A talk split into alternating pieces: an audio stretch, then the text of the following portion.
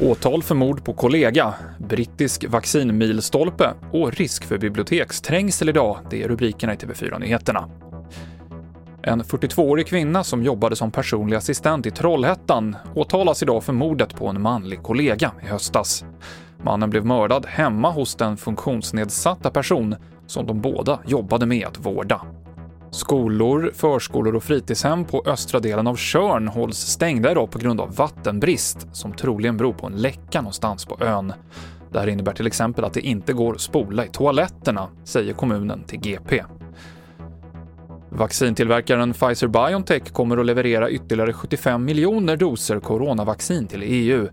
Bolaget hade nyligen leveransproblem och sa då att det berodde på att man ställde om produktionen för att kunna tillverka större mängder vaccin.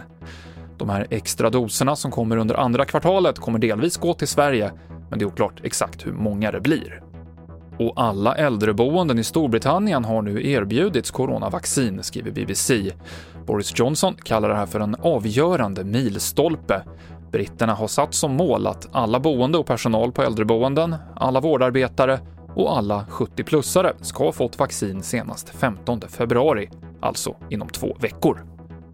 Det finns en risk för lånekaos på biblioteken i Lund och Borås idag, rapporterar SR. Över 50 000 böcker har fått 1 februari som återlämningsdatum och nu uppmanar biblioteken låntagarna att låna om via nätet för att undvika folksamlingar. Det är annars vanligt att bibliotek i Sverige har tagit bort förseningsavgifterna nu under pandemin. Och vi avslutar med fotboll. Degerfors spelare Axel Lindahl har ryktats bli såld till de norska mästarna Bodø Glimt och han kan själv ha avslöjat sig på datingappen Tinder. Nettavisen skriver att Tinder-användare i den nordnorska staden har fått upp svenskens profil, vilket tyder på att han är på plats i Bodö. TV4-nyheterna i studion Mikael Klintevall.